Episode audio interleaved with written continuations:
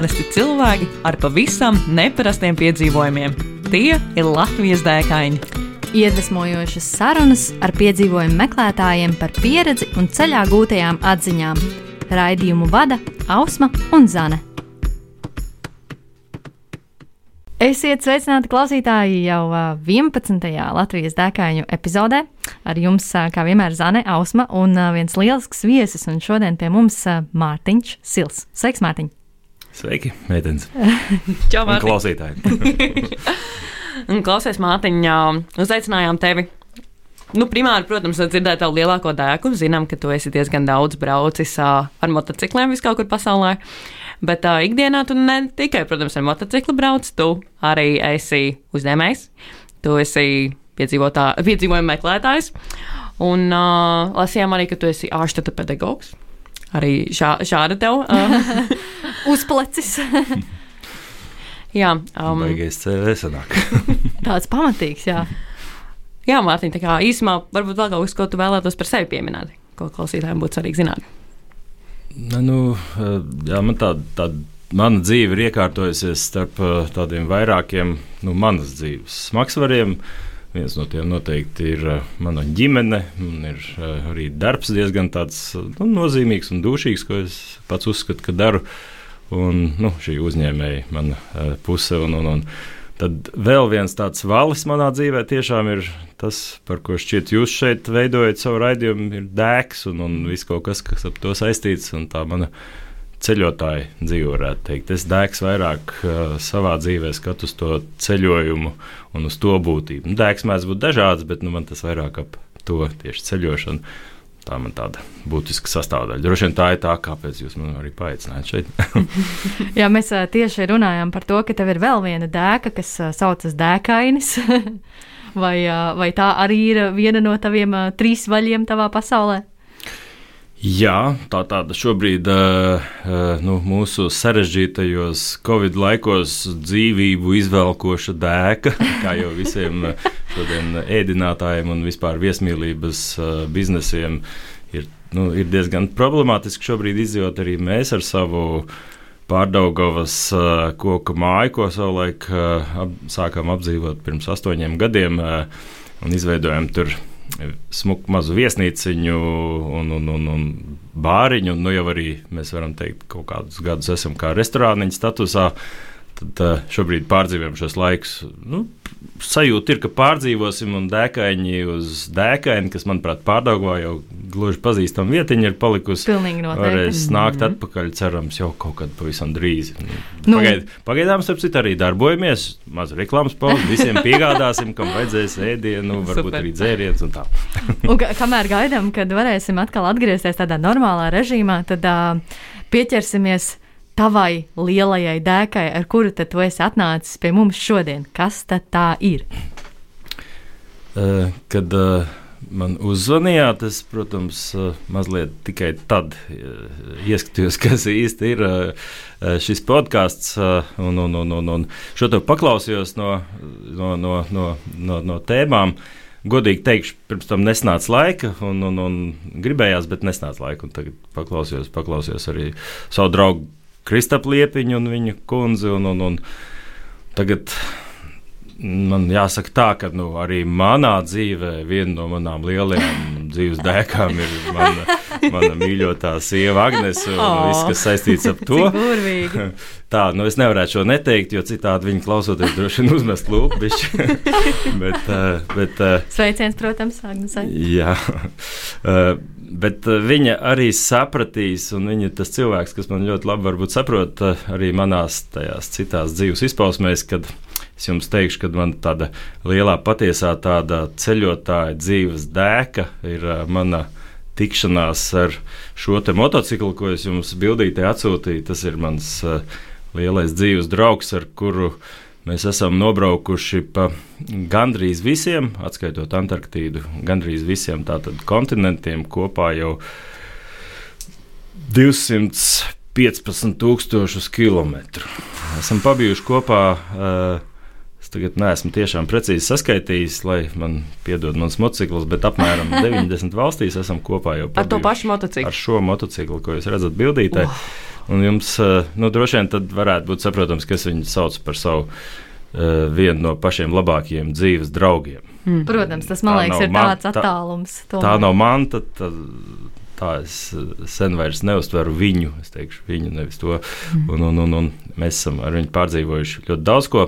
Un, un, nu tā, ja, tā, ja, es tā, ja es tā teiktu par dēku, tad uh, tas ir arī dēku komplekts. Arī varbūt mazliet uh, to, ko es dzirdēju, ko Kristaps teica, man varētu būt līdzīgi. Izraut kādu patiesi lieliskāko ceļojumu būtu grūti starp maniem nu, diezgan daudzajiem, starp tiem arī pieciem tādiem ļoti lieliem ceļojumiem. Visos bija viss kaut kas interesants, bet ar šo motociklu, konkrēti ar šo savu KTM Adventure 990, jeb kā es viņu saucu, Kātans, esam nodzīvojuši pamatīgas, uh, kolosālas uh, stundas kopā. Kā- Dienas, mēnešus, nevis stundas, teiktu, Jā, un jā. gadus, gadus kopš 2007. gada, kad mēs tikāmies. Un, uh, kas ir garākais ceļojums, ko tu esi veicis tādā vienā piegājienā kopā ar uh, savu Kātanu. kātanu? Te man būtu jāmin gandrīz vai divi, bet nu, tas viens tāds pavisam nepārtrauktais bija tas ceļojums, kad arī radās dažādas lietas. Tas bija 2007. un 2008. gada ceļojums, kurš tā arī saucās appasauli, kur iet, ā, mēs arī priekš šī ceļojuma tolaik ā, sadarbībā ar draugiem gādājām šos motociklus un, un, un, un gatavojamies pusotru gadu, un tad aizbraucām un to izdarījām. Mēs apbraucām riņķī pasaulē, riņķī visai zemeslodē, līdzīgi kā Filijas Foks. 80 dienās, tad mūsu ceļojums bija nodefinēts 180 dienās. Un Mm. Mēs pusgadu laikā apbraucām gandrīz 50 tūkstošu kilometru ceļojuma pasauli. Izbraucot cauri visai, eh, nu, no Latvijas sākot cauri visai Krievijai, Āzijai, Krievijai mm. līdz Latvijostokai, tad uz Japānu, tad uz Dienvidameriku, nu, uz Ziemeļameriku, tad uz Dienvidameriku. Mazliet vēl kā Āfrikā iespējām, un tad atgriezāmies mājās un bijām nobraukuši, kā es teicu, ap 50 tūkstošu kilometru. Pabijām toreiz 26 valstīs. Un, un, un, uh, Daudz bija iespēja. Tas bija tāds garākais non-stop, varbūt. Un otrs tāds arī varbūt dušīgākais, jau arī mums ar Kātonu bija pirms diviem gadiem, kad uh, aizsūtīju draugu uz Melburnu ar lid- lidmašīnu, pats tur atlidoju. Tad mēs trijos piegājienos, gan 18. gada ietvaros nodarījām, atbraucām no Melburnas līdz Rīgai. Tas pamatīgs cilps pa Austrāliju, izmetām 20,000 km garumā un tad caur visai Āzijai, caur Indonēziju, caur, caur, caur uh, Āziju, Pakistānu, Irānu līdz pat mājām. Tie bija 40,000 km. Protams, visās šajās laikās bija tu, bija kātans, bet kā ir, vai tu dodies kopā vēl ar kādu, vai tev tomēr patīk būt vairāk ar sevi? Kā, kā ir ar tiem ceļbiedriem?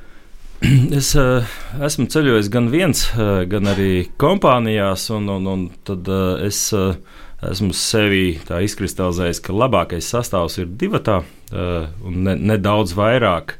Priekš tādiem mazākiem ceļojumiem var braukt arī lielākos barņos, bet, mm -hmm. kad tu brauc tālu un, un ilgi, tad daudz dažādu psiholoģiskie jautājumi ceļas gaisā arī kā tā sadzīvošana notiek ne tikai braukšana, bet arī sadzīvošana. Uh, vienam brīžam ir forši, tad tu vari atslēgties no visa un tā, bet, uh, bet savukārt tā kā ir tas, ka uh, nu, nav ar ko dalīties tajās iespējos. Un Jā, man šķiet, ka šī ir tā lieta, ko min ļoti daudzi viesi pie mums nākot. Ka, tad, kad tu esi viens pats, tad tev nav īsti kam nu, tajos iespējos padalīties. Jā, un, un, un savukārt, kad brauc divi, tā ir arī vēl dažādi citādāki apsvērumi, kāpēc labāk ir divi. Tā ir ā, drošība, ja nu kas gadās, vai arī drošība, ka viens otru pieskat, ja kaut kur kādam jāizskan vai vēl kaut kas. Un, un tā tomēr ir palīdzība vienam otram. Tas ir neatsverami būtiski šādā ceļš lielā ceļojumā. Un ā, teikšu tā, nu man ir. Pārsvarā vienmēr ir veicies ar kompāniju. Man ir dažādi ceļojumi biedri bijuši, ar kuriem esam diezgan labi pavadījuši gan laiku, gan, gan nobraukuši daudzus kilometrus un izdarījuši tādus, nu, teikt, lielus veikumus. Un, un, un, un, un, un es priecājos par tām kompānijām, ar kurām es braucu. Šeit varbūt pat pavisam īpašākais sveiciens ir manam tādam tiešām dzīves draugam Anģam Ugalim, ar kur mēs arī vienu grāmatu kopā esam uzrakstījuši savā dzīvē. Oh. Viņa bija nopērkama. Lieta. teicās, Varētu būt, ka ir vēl kaut kas, kas saucās Vēstules no Āfrikas. Mm. Mēs tā ceļojuma laikā nobraucām no raga līdz ragam, no Adatas raga Dienvidāfrikā līdz Nordkapam pār diviem kontinentiem. Tas bija viens lielisks trīs mēnešu ceļojums. Un, Un mums tik labi gāja ar viņu kopā tieši tā ceļošana, tā sadarbība, varbūt ceļojumā, kad mēs pēc deviņiem mēnešiem bijām jau Amerikā, braucām abām Amerikām pāri. Toreiz bija pilnīgi tā, ka likās, ka neesam spējuši to elpu atvilkt, un jau kā jābrauc, un, un, un braucām. Bet tur bija iemesli, kāpēc tas tā sanāca. Tā, Anģam īpašs sveiciens mums ar viņu šķiet ir tā ļoti labā sadarbība ceļā. Un, ceru, ka brauksim vēl. Šobrīd gan viņš, gan es abi esam diezgan aizņemti ar uh, mazo savu bērnu audzināšanu, mm. un ģimenei arī jāvelta vismaz Protams. kādas dienas. bet, bet, bet ceru, ka brauksim vēl. Pirms tam bija vēl viens ceļojums, ko šeit varbūt arī gribētu īpaši pieminēt. Uh, 2009. gadā bija jau ap, apbraukt pasauli, bija izbraukts daudz maz tur pa, pa Amerikām, pa, pa, pa Āziju, Krieviju, bet man, man visu laiku gribējās vairāk saprast, kas tad ir tā musulmaņu pasaule. Nu, tad, par ko daudz runā televīzijā, par ko ir diezgan daudz tādi, nu, tādi pie mums gan jāsaka, diezgan vienvirziena brīžiem tie viedokļi. Tad mēs toreiz saņēmāmies, uzkāpām uz močiem un izbraucām visu Arābijas pussalu. Aizbraucām no šejienes uz turieni, atbraucām atpakaļ caur Irānu, un tad tad, tad vēl tajā laikā caur Sīriju braucām un priecājāmies, cik skaista zeme, cik daudz dažādas uh, skaistas vietas un lieliski cilvēki. Tagad neviens tur nekā. Tur ir mūsu, mūsu, mūsu paudzes cilvēks, vairs neaizbrauks tā mierīgi paceļot. Mm -hmm. un, un, un tas bija tāds arī būtisks sevis uh, nu, attīstīšanas, savu viedokļu attīstīšanas brauciens. Tā ir viens no tiem maniem lieliem. Tas izklausās pēc tāda ļoti um, jā, mind changing, nu, tāda ļoti iespaidīga, iespaidīga kultūra šoka droši vien kaut kādā mērā arī. Bet tāda pozitīva. Jā, bet šie, bet šie tie ceļojumi šobrīd runāja tikai par to savu lielo daļu. Jā, jā, jā. Par draudzību ar Kātanu, ar kuru mēs braucām, ir jau vēl visādi bijuši pasaulē vēl kādā. Tur noteikti ar pusstundu nepietiek. Jā, jā. Pirms tam apbrauc riņķi arī kādreiz citādākos formātos, bet par to varam citā reizē, bet šoreiz par šo. Kādā dēkaņā sarunā varbūt. Jā, jā uz dēkaņa. uz dēkaņa, ko līdz nu vien varēsim atvērt durvis un saukt viesus. Mm. Jūs viens no pirmām laipni aicināts uz kafiju vai aliņu, ko nu, vai vīnu glāzi, un, un te varam parunāties vēl. Klausies, um, Mātiņ, par uh, to tavu lielo dēku skatos, ka fotografija tev ir tāda milzīga Ilga Kalīns, un uh, par to, Kalīns esmu lasījusi grāmatās, Urulu. Um, vai tas bija arī jums viens no tādiem mērķiem šajā ceļojumā, kad jūs bijāt uh, Austrālijā? Jā, nu neapšaubām, ja, ja, ja brauc uz Austrāliju un grib tādu, nu, tādu, tādu vispusīgāku skatu uz to, tad uh, nedrīkstētu šo vietu, kas ir viena no galvenajām Austrālijas tādām, nu, uh, gan, nu, teiktu, svētvietām, vairāk šodien jau arī turisma vietām, To nedrīkstētu izlaist. Un arī mēs savu ceļu ieplānojam tā, kā mēs tur piebraucām. Tik, tas bija vēl laiks, 18. gadā. Šobrīd jau laikam pat vairs nemaz nedrīkst kāpt. Tā laikā varēja kāpt kalnā augšā, un tad mēs jau braucām savā pārdomās, visu laiku kāpt vai nekāpt. Jo tur ir tā divējādi. Nu, viens ir, ka nu, tu uzkāp un oh, sev pierādi, es te varu uzkāpt, bet nu, tur nav nekāds baigais pierādi, tas nav nekāds lielais augstkalns nu, kādos varbūt Kristofers kāpa vai kā tur vienkārši tādu nu, sevis apliecināšanu, es te biju augšā. Ček. Mēs, mēs, mēs izlēmām, ka mēs nekāpsim, jo, jo man šķiet, ka, ja gadījumā mēs varam kādu cilvēku to domāšanu un to sajūtu ar to aizskart, nu, labāk to nedarīt. Mm -hmm. Ne tik dikti mums vajag. Mēs ļoti skaisti apgājām viņam riņķī, kā viņam nolikām nu, močus, apgājām riņķī, un tas bija ļoti arī skaisti. Tur. Cik ilgā laikā var apiet? Mm, neatceros, kādas stundas man liekas, kad Trīs, trīs varbūt Nā, mēs gājām. Nē, nē, nē, tur nav nekādas baigās dienas jāiet. Tas mm, nav, mm, nav to, mm. tik milzīgs veidojums. Kā. Un kā par plānošanu šāda veida ceļojumiem? Cik, cik laicīgi vispār jāsāk plānot, ja ceļā būs jāpavada tik mēnešiem ilgs laiks? Nu, te ir dažādi jautājumi, kas jārisina, lai šāds ceļojums varētu notikt.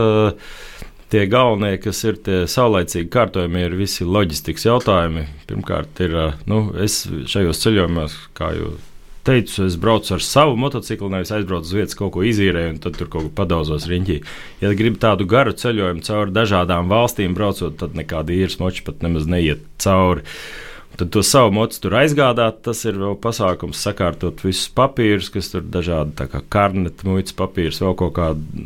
Nu, tās ir lietas, kas ir jākārto. Nu, parasti tas ir kāds gadiņš iepriekš, kad to mm. pasākumu es sāku, un tad tā konsekventi apmēram arī.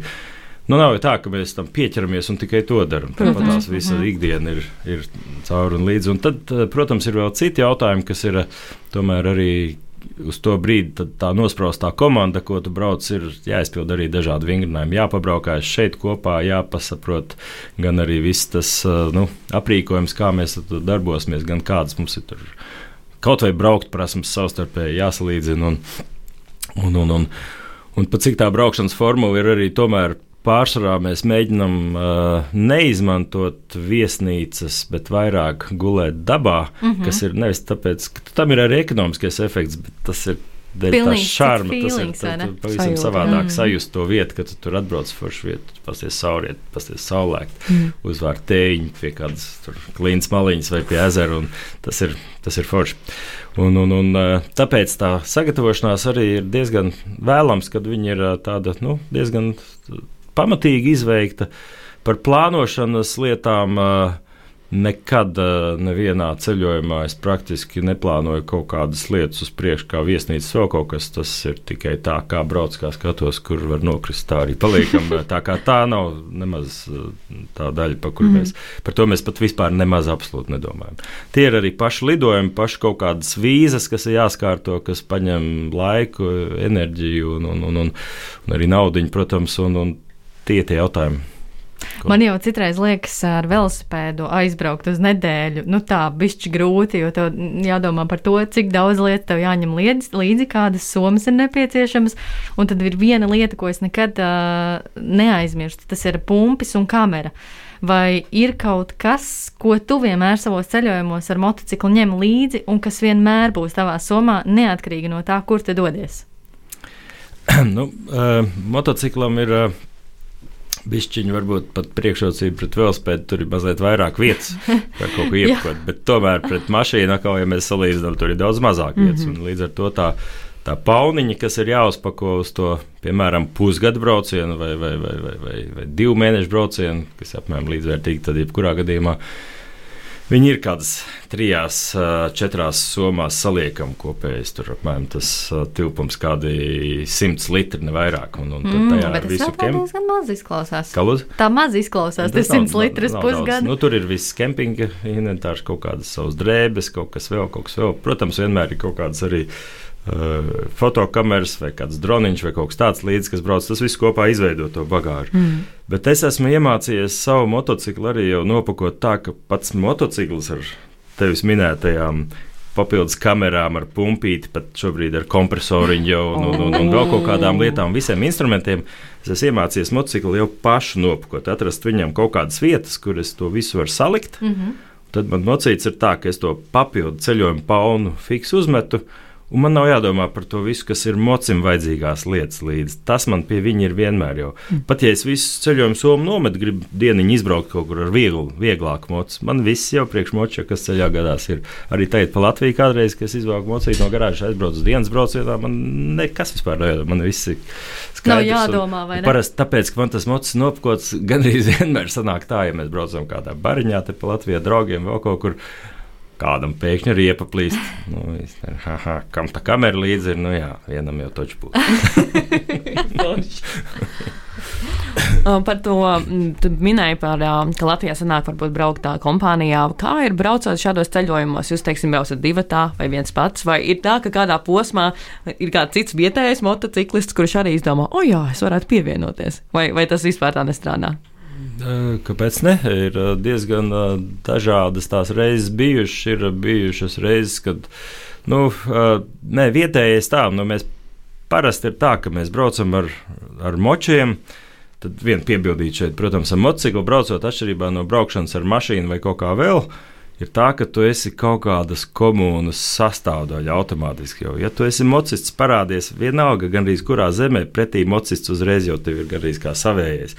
Pasveicini. Jā, nu viens ir pasveicins, bet otrs ir arī tad, ja kaut kur tu piestāji, diezgan ātri raisās sarunas, kas no tām sarunām tālāk arī citu reizi izraisās, izraisās uzaicinājums paēst, naktsmājas izraisās vēl kaut kas, un es ne, praktiski nekad neatsaku, jo tas ir tas viens no interesantākajiem, kas var būt, ka tu tiec ar vietējo kontaktā, un tad jau tu nezinu, pie aliņa izdiskutē, kas te īsti notiek, jo to nekā īsti nevar savādāk uzzināt. Tā ir. Tā un tā ir tā saikne pārsvarā ar vietējiem. Tā, ka nu, kaut kur mēs parādāmies, kaut kur tad, uh, tad mēs eh, padzīvojamies kopā. Kādreiz ir bijis tā, ka tur piestāšu stundiņu palieku trīs dienas. Tik labi ir. Wow!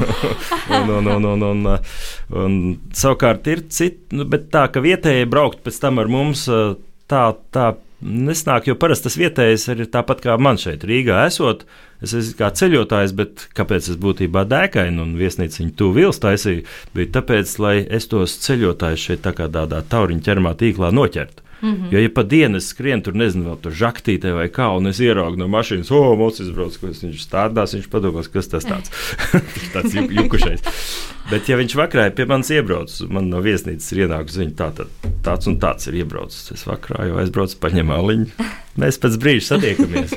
Un tieši tāpatās kaut kur ar vietējiem, kaut kur tur. Bet es šai brīdī esmu šeit, es daru savas lietas, man nekas nav plānots. Visticamāk, es vakarā ar to cilvēku pasēžu padraudzējamies, un nākamā dienā viņš ir prom. Mm -hmm. Varbūt mēs paliekam uz nākotni kaut kādā draudzībā, vai vēl kaut kā mūsdienās, jo tas ir diezgan viegli arī tālāko kontaktu uzturēt.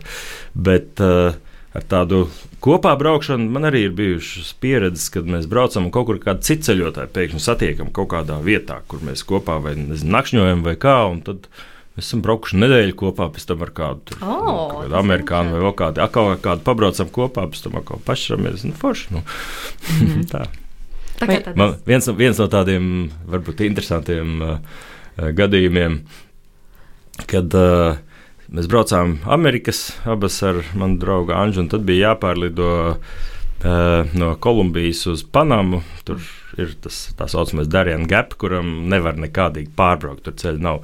Tur ir vai nu jālido, vai ar mocu jāsūt, ar kuģi jāsūt motociklis apkārt. Tur kārtībā reiz to lidošanu kārtojumu jau ielidojām Panamā.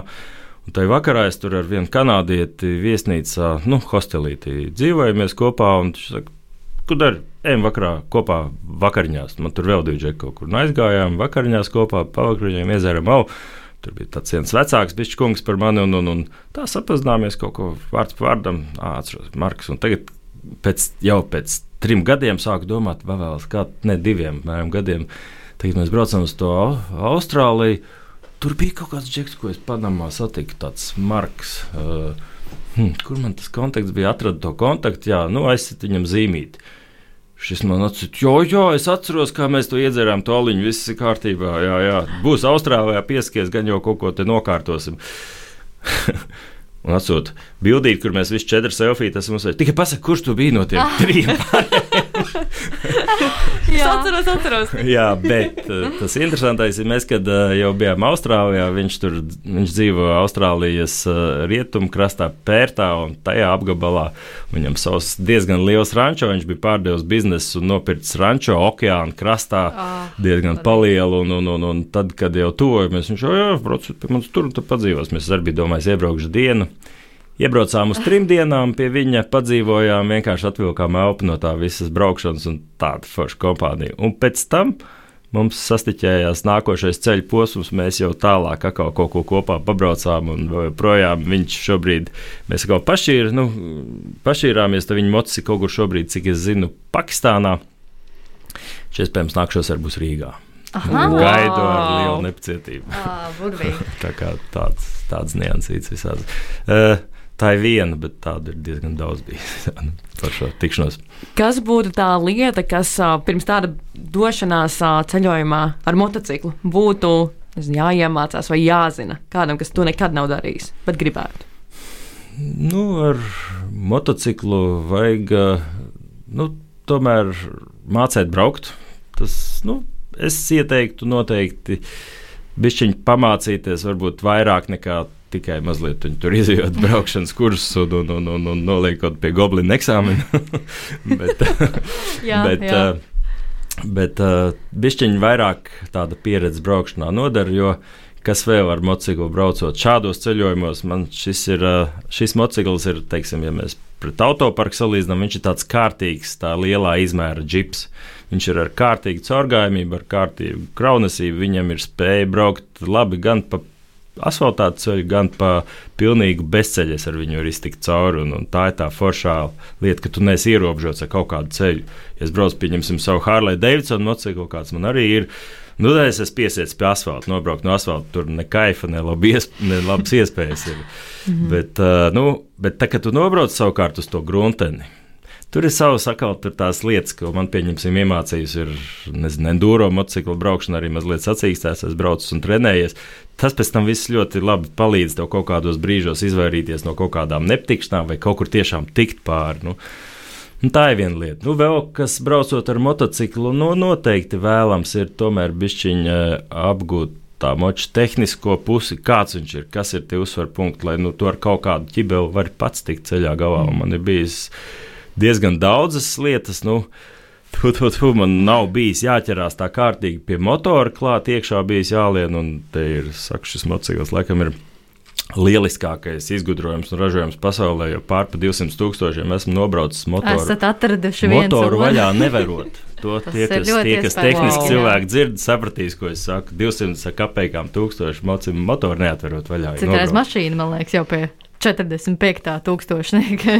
nu, jā, nē, nu, tur, protams, daudz dažādas apkopes un regulācijas, mm -hmm. tas viss tiek veikts. Bet, bet piemēram, tālāk ārpus tā motora, nu, šis mocis man ir pazīstams kā sava kabata. Es varu viņam, man ir instrumentu komplekts, ar kur es būtībā viņu varu izjaukt pilnībā tur uz ceļa, ja vajag, un salikt. Un es kaut kādas lietas arī diezgan labi pārzinu no viņa. Tā ir noderīga, noteikti noderīga lieta, ja tu brauc ceļā, ka tu māki vismaz riepu nobortēt, un uzbortēt un apmainīt. Un tev ir tā kamera, protams, ja ir.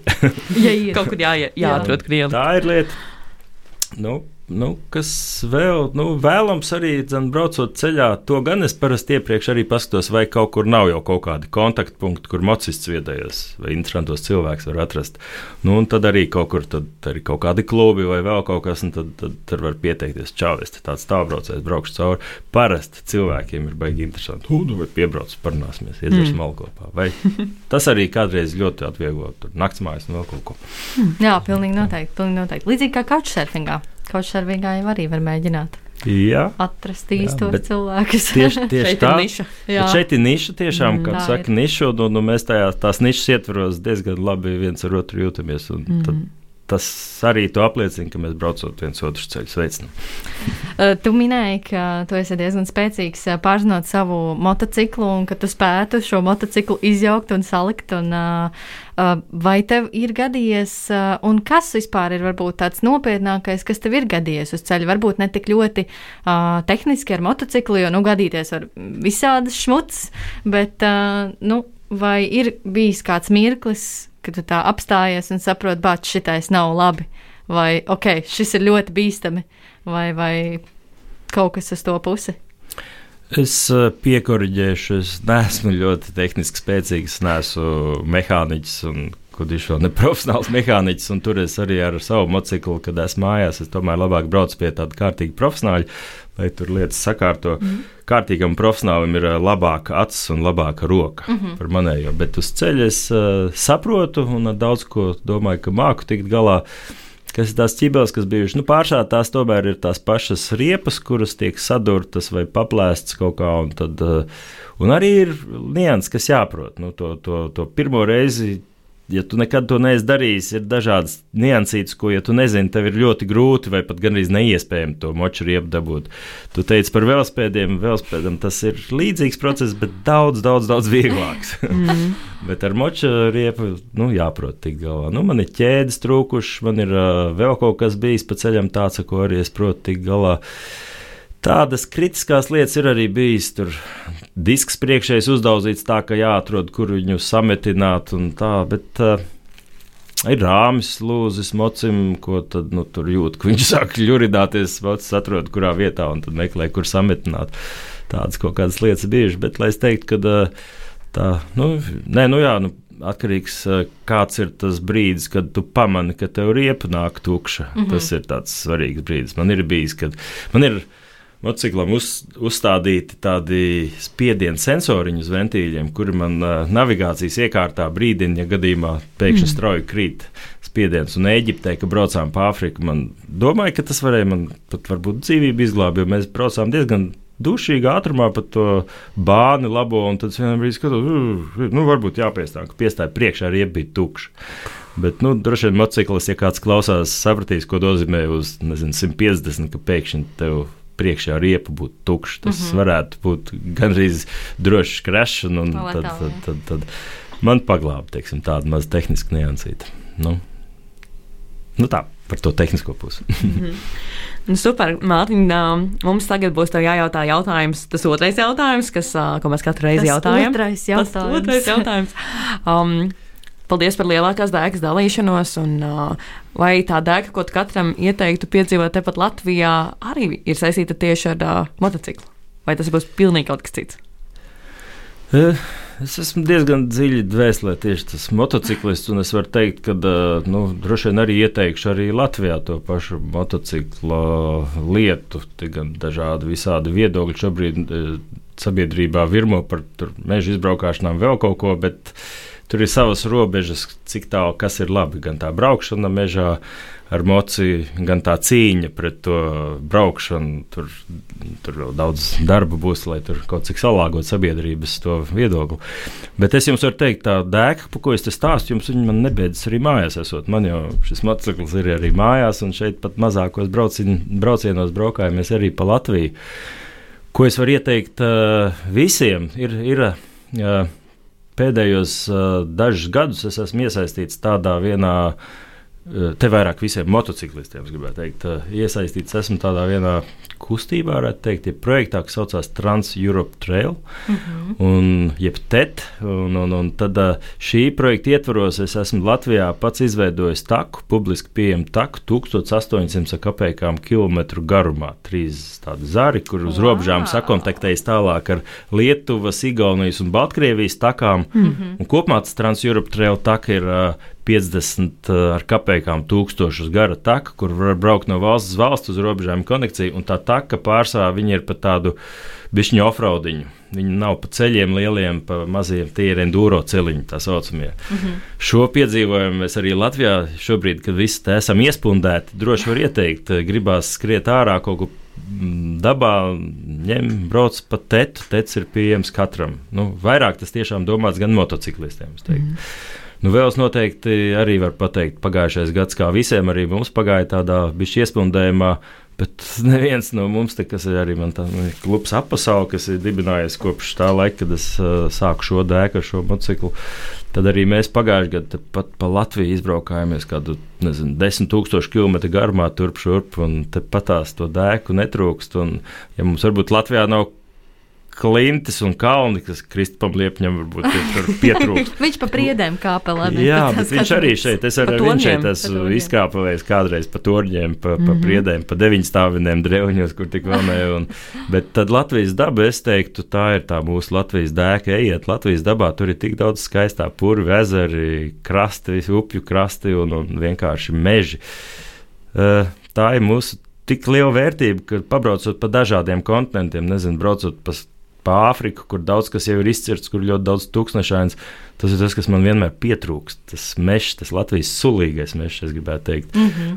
Mums ir, mums ir daudz, eh, kaut kur viņi cērt, bet nu, varbūt tas ir viss pamatot. Bet uh, es teiktu, mums joprojām ir ļoti, ļoti daudz meža. Baudiet to! Oh, cik skaists novēlējums! skaists novēlējums! Paldies, Mārtiņ, ka atnācis ciemos un dalies par savu stāstu! Tad, nu. Paldies jums, ka uzaicinājāt. Jā, un uh, tiksimies uh, Dākainī. Tiekamies Dākainī, Pārdaugā Baložielā. Paldies, klausītāji, ka klausījāties un bijāt kopā ar mums, un uh, tiekamies jau pēc uh, divām, divām nedēļām. nedēļām. Jā, atā. atā. Ko tu parasti dari, kad dodies pārgājienā un tev reāli apnīk? Nu, es laikam sāku dungot. Paču, paču, paču, paču, paču, paču, paču, paču, paču, paču, Na, na, na.